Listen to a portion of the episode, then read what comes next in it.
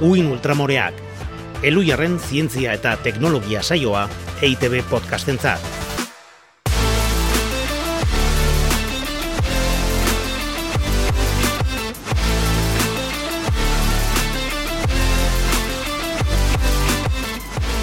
Kaixo, kaixo, ezagutzen duzuen agore rementeria argote ez da? Ba gaur ere, biok izango gaituzu hemen, alaitzek, seixeietan jarraitzen baitu. Muxu, alaitz. Ze ondo! kaixo zer moduz. Abilbiri alaiz! Ana galarraga aiestaran ezagutzen duzu, ez da? Eta gaia gaurkoa ere, ez daguna izango zaizue. Ze askotan hitz egin dugu zuzenean eta zeharka, emakumeek zientzian bizi duten diskriminazioaz eta horrek ekartzen dituen ondorio kaltegarriez. Baina ez dugu sakon aztertu orain arte uin ultramoren bitartez. Batal honetan, utxune hori betetzen saiatuko gara. Beraz, presta zaitezte, salaketaz eta aldarrikapenez beteta egongo baita. Egurra. Egurra.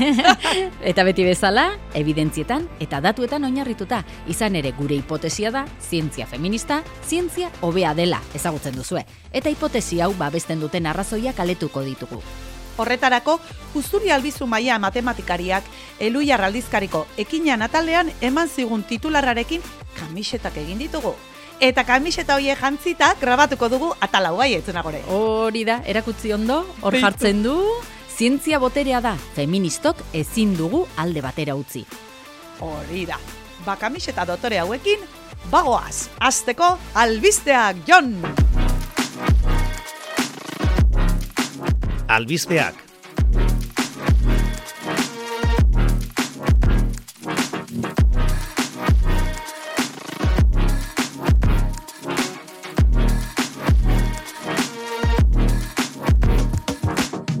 hasiko naiz. Entzun ondo.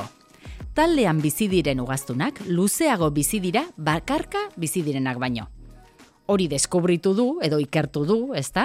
Pekingo ikerketa zentro batek ia mila animalia baino gehiago aztertuta.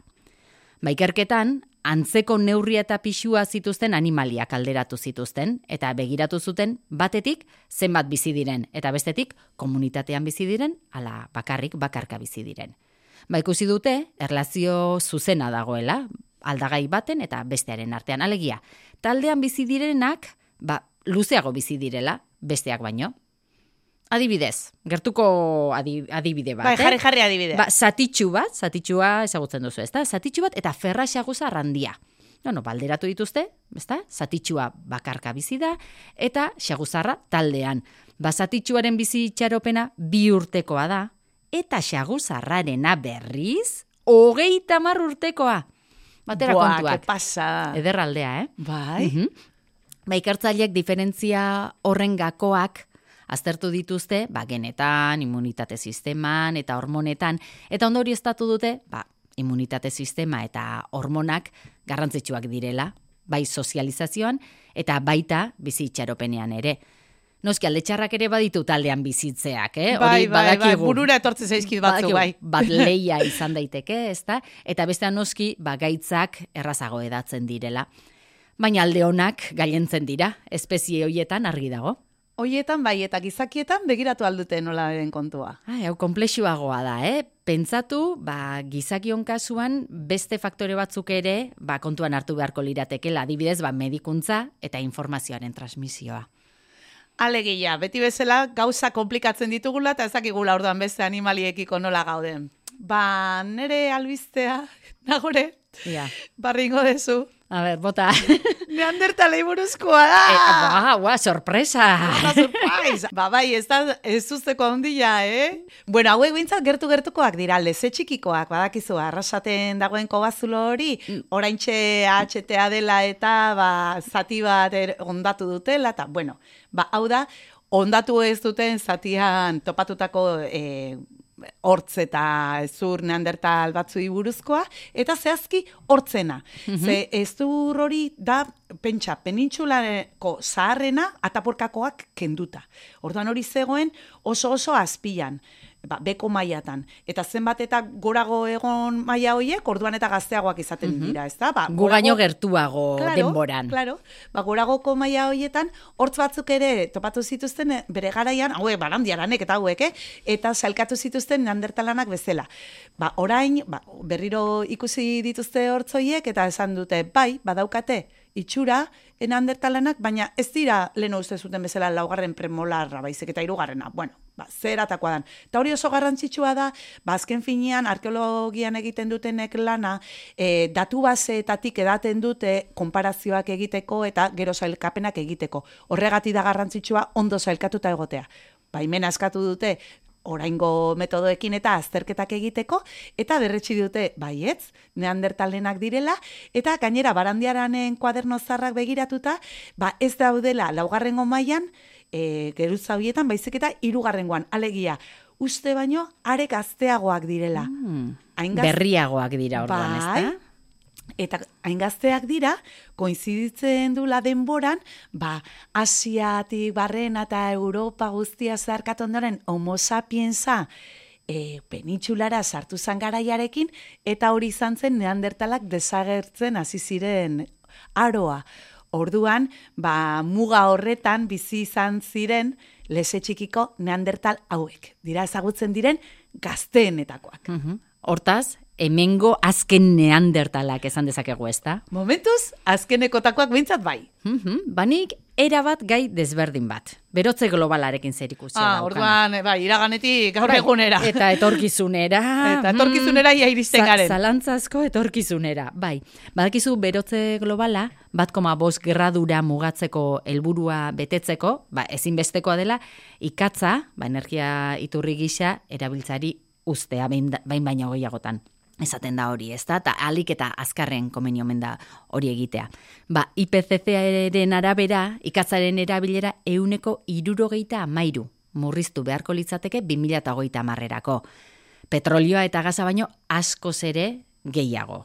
Ba, kalkulatu dutenez, horrek esan nahi du ikatzarekiko mendekotasuna duten, mendekotasun handia duten herrialdetan, ba, pentsa zeintzu diren, eh? Txina, India, Ego Afrika, ba hoiek ezinezkoa dutela hori praktikara eramatea.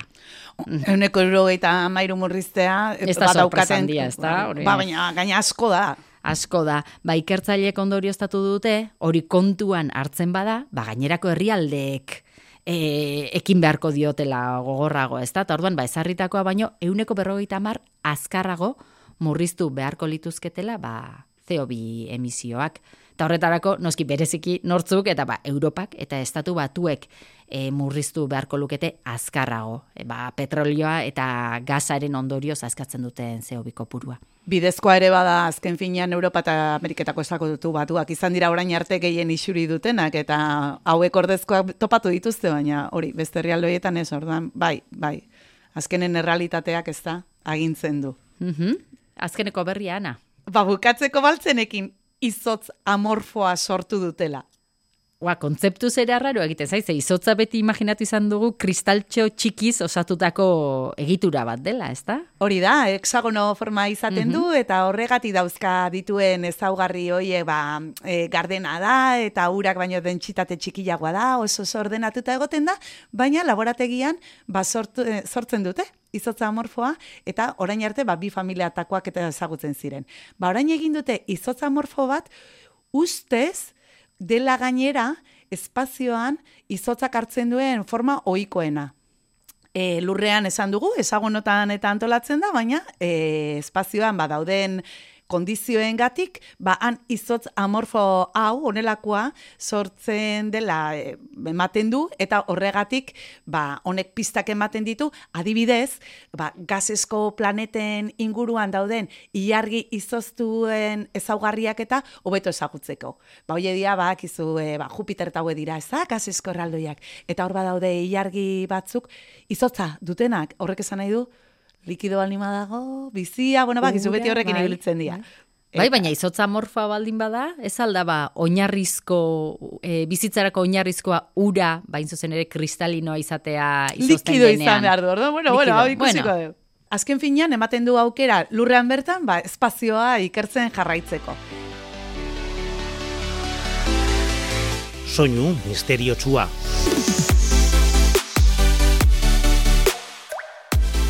Izozamorfoa berezia balimazen gaurko soinua ere berezi berezia da nagore. Ea zer ekartzen dizun burura, ea zer iruditzen zaizun.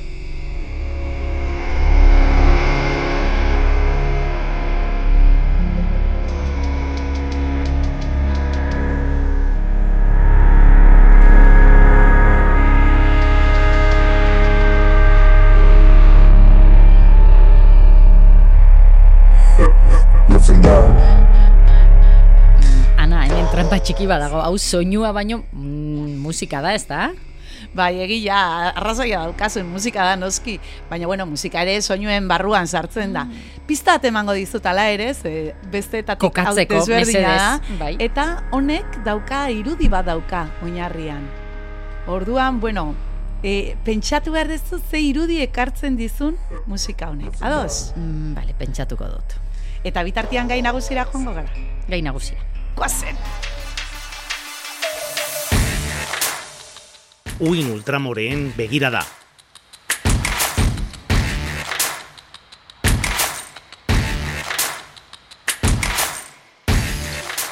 Ba orain, goazen, uin ultramorez aztertzera, gaurko gaia, emakumeak zientzian. Zer gertatzen da? Zergati daude bazterrean? Emakumeek ez dute zientziarekin ezer jakin nahi? Ba ez. Zientzia da, emakumeak alde batera uzten dituena. Zientzia berez, jakintza eskuratzeko modu bat da, eta hori sistema baten barruan egiten da. Modu sistematikoan. Horregatik esate zaio zientzia sistema. Eta gure gizartean dauden sistema erakundetu eta egituratu guztiak bezala, ba, gizarteak berak dituen aje guztiak ditu. Matxista da, hierarkikoa da, klasista da, arrazista da, eta heteronormatiboa da, noski. Oie dana gutxienez. Eta generoari dagokionez behintzat, bi eratako diskriminazioa ekartzen du. Vertikala eta horizontala. Vertikalaren ondorioz, emakumeak ez dira erabaki guneetara iristen. Horri kristalesko sabaia ere deitzen zaio entzuna izango dugu, Bai, bai, mhm. bai. Eta primeran ikusten da guraize grafikoan. Guraize grafiko horretan jartzen dute ibilbide zientifikoan emakumezkoak eta gizonezkoak e, nun dauden ze proportziotan. Eta ibilbidearen hasieran ba, ikasketa graduko ikasketa bukatu eta tesia egiten hasten direnean, hor parean daude eta are gehiago. Ba, neska pikin bageixiago dira zientzia eta teknologia arlo osoa aintzat hartuta. Hortaz, bokazio falta berez ez dago? Ez, ez, ez, arazoa ez da hori. Hmm. Ez, ez da, lehen esan dezun bezala. Ema, ez da kontua emakumei etzaiela zientzia interesatzen. Hortxe daude. Baina tesia bukatu eta ondoren gorako, ja, ordurako, ja hasi dira emakumeak bidean galtzen eta proportzioa gizonezkoena haunditzen doa. Eta zenbat eta urte gehiago pasa eta beraz, ba, hierarkia horretan gora egin, gizonezkoen proportzioa handitzen doa eta emakumezkoena galdu egiten da. Horregatik deitzen zaio guraize grafika itxura hori daukalako. Hori izango litzateke diskriminazio vertikala, baina esan dugu horizontala ere bada arlokakoa. Ba, badaude zientzia bigunak, ingurumena, osasuna eta gogorrak. Fizika, ingenieritzak, ez dakit informatika, basmatu nolakoak diren emakumeen eta gizonen arteko proportzioak, batzutan eta bestetan. Boa, ze zaila galdera! Ui, a bera, ez saiatuko naize, ez da izango ba zientzia bigunetan emakumezkoak direla gehiengoa eta alderantziz, nagore. Ah, izenak pista eman dizu, bai, bingo!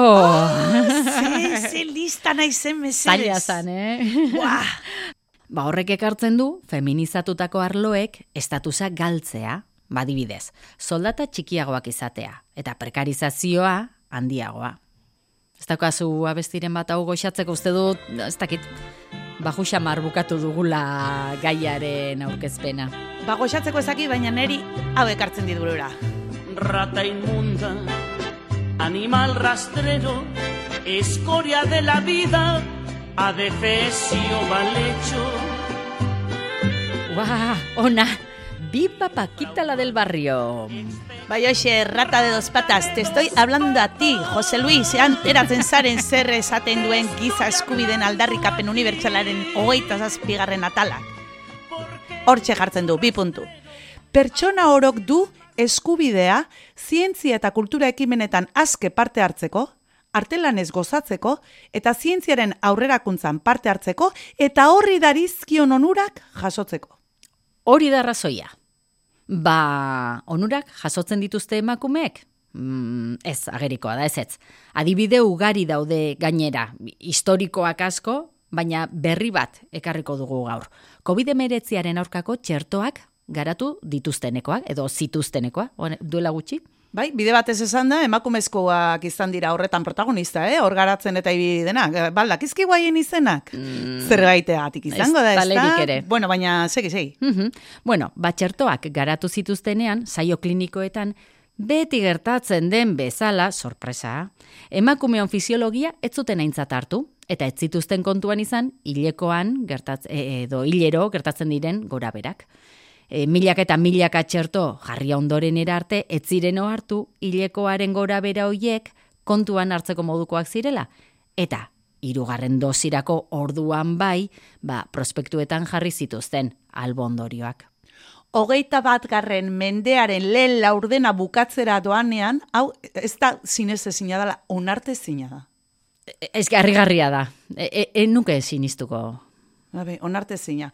Horregatik guk oso garbi daukagu ikuspegi feministarekin ikertzea onuragarria izango litzatekela emakumeentzat, zalantzari gabe, baina ez soilik emakumezkoentzat, eh? gizarte osoaren da onuragarria. Frogatuta dago, ikerketa taldeak genero aldetik orekatuta daudenean, emaitzak esanguratsuagoak direla eta inpaktu handiagoa dutela gizarte osoan. Gainera, ikerketa talde parekideek dibertsitate handiagoa dute, berez. Ba, adinari daukionez, sexu identitatea, etnia, klasea eta beste ezaugarrietan ere, bai, inklusiboagoak dira. Eta horrek ekartzen du ikuspuntu gehiago eta askotarikoagoak izatea. Bestetik gainera, harintzat hartzen ditu orain arte bazterrean utzi dituzten populazio taldeen beharrak. Eta disiplina artekotasunaren alde egiten du. Horrela, emaitzak osoagoak dira eta prozesuak aberazgarriagoak. Are gehiago horrelako lantaldeak, ba, erakargarriagoak izan daitezke, ez da, urrengo bela, belaunaldientzat hurbileko referenteak topa ditzakete, ba hortxe eskura. Alegia, zientzia feminista onuragarriagoa dela denentzat eta alde guztietatik. Hori bai, ez da bidezkoa eta hori ba, ardura guztia eta arantzunkizuna hori lortzeko nesken bizkarren gainean ustea, ez, da? Ez ere. Askotan entzuten da, ba, neskak animatu behar dira, ja bai. Ah, ba denon erantzukizuna da. Hori da, gizarte osoari da, gokiugo, sistemari eusten eta jaten ematen dioten mekanismoiek aurrena identifikatu, gero desaktibatu, eta horri iraultza, eh, bultzatzea, ba, zientzia sistema inklusiboagoa izan dadin. Así que badaukagu, zer egina? Bai, eta gure aldetik, ba ona ekarreko ditugu, ezta? Ba honekin zerikusia duten kontu guztiak eta hasieran esan bezala, salatzen eta aldarrikatzen jarraituko dugu. Hori da, ze kamisetan jartzen duen bezala, zientzia boterea da, feministok ezin dugu alde batera utzi. Eta barreri gabe iritsi gara ona. Bai, musika pixka bat beharko dugu, baretzeko ana. Bai, musika lasai garri bajarriko dugu. Guazen, guazen. Lili bat hartu. Eta osto osto erantzi. Eta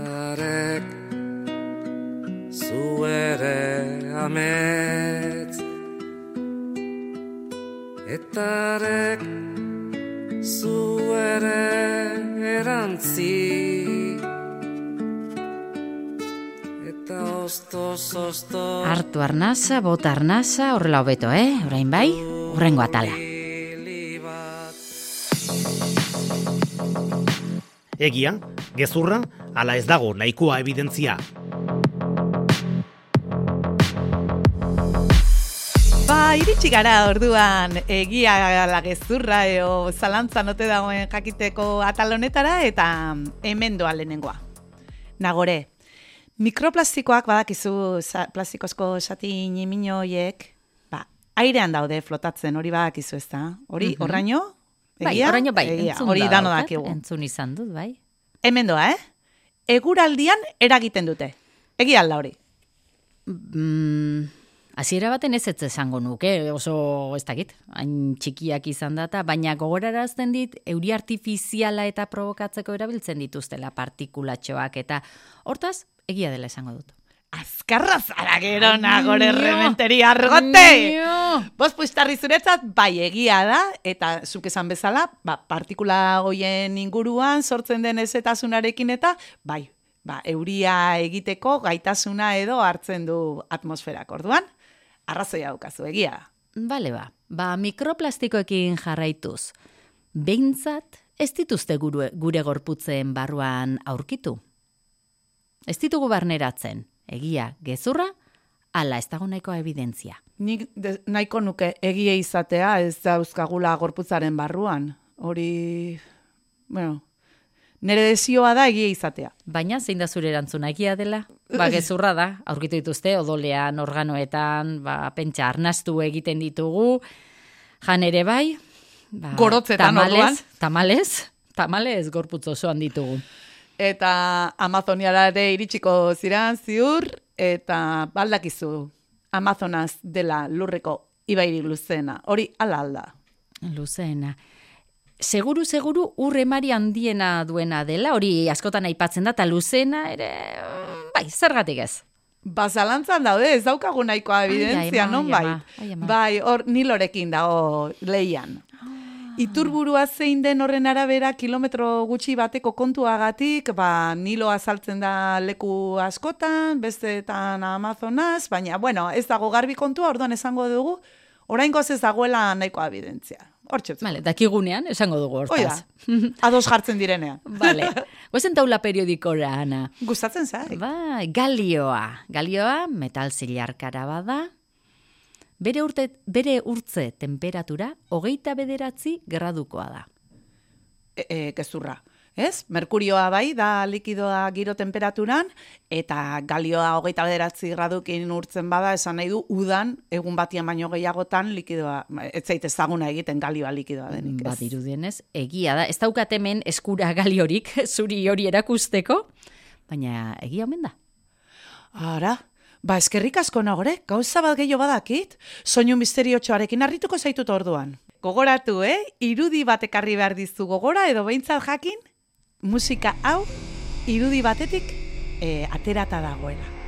Are gehiago esango dizut. Kuadro batetik, margolan batetik, bai, Bale, berriz entzungo dugu ez da? goazen entzutera, bai.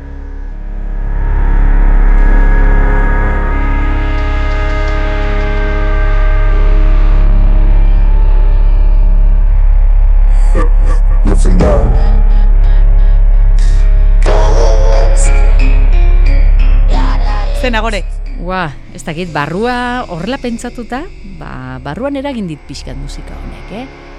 Mm, Niri bereziki eragiten didan margolanetako bat, ba, Gernika da, ez dakit hori esango dut. Hori, hori okurritu dut. Ez da munduan beste kuadrorik egongo la emozio terribliak eta gogorrak eragiten dituna eta asmatu egin behar da gore.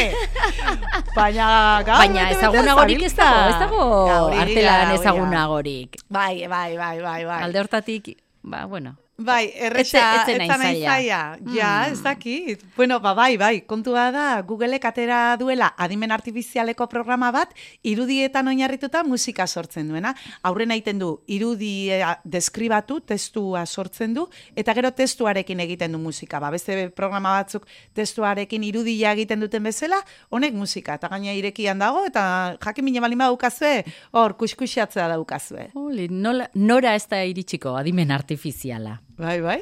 Eta honekin ja iritsi gara bukaerara. Bixi, bixi, iritsi gara. Bai, oraingoan ez dugu aurreko atalean adina barreta algara egin, gaiak ere ez zuen horretarako aukerarik ematen, eh? Ba, kontu serioak izan ditugu, baina nik uste dut, urrengo atalerako gaia aukeratu beharko dugu, ba, pixkat, eh? Ba, umorearekin jazteko moduko bat. Bai, pentsatuko dugu kai, hola, harinago bat edo errazagoa, hola, umoretik eta jorratzeko. Hori da. Baina dana dala eskerrik asko olako gai serioetan ere gurekin izateagatik entzule hori. Eskerrik asko zuri, nagore, gaur ere derriki pasa dugu, ondo molatu gara, eta egoitz, etxe beste aduriz. Eskerrik asko, eh, teknika nain fin ibiltzagatik. Eta eskerrik asko zuri ere, Ana Galarraga eiestaran.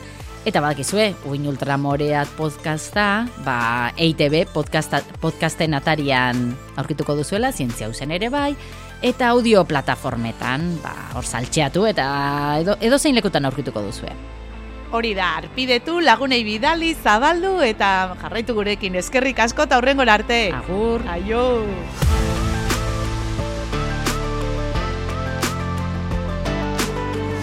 Uin ultramoreak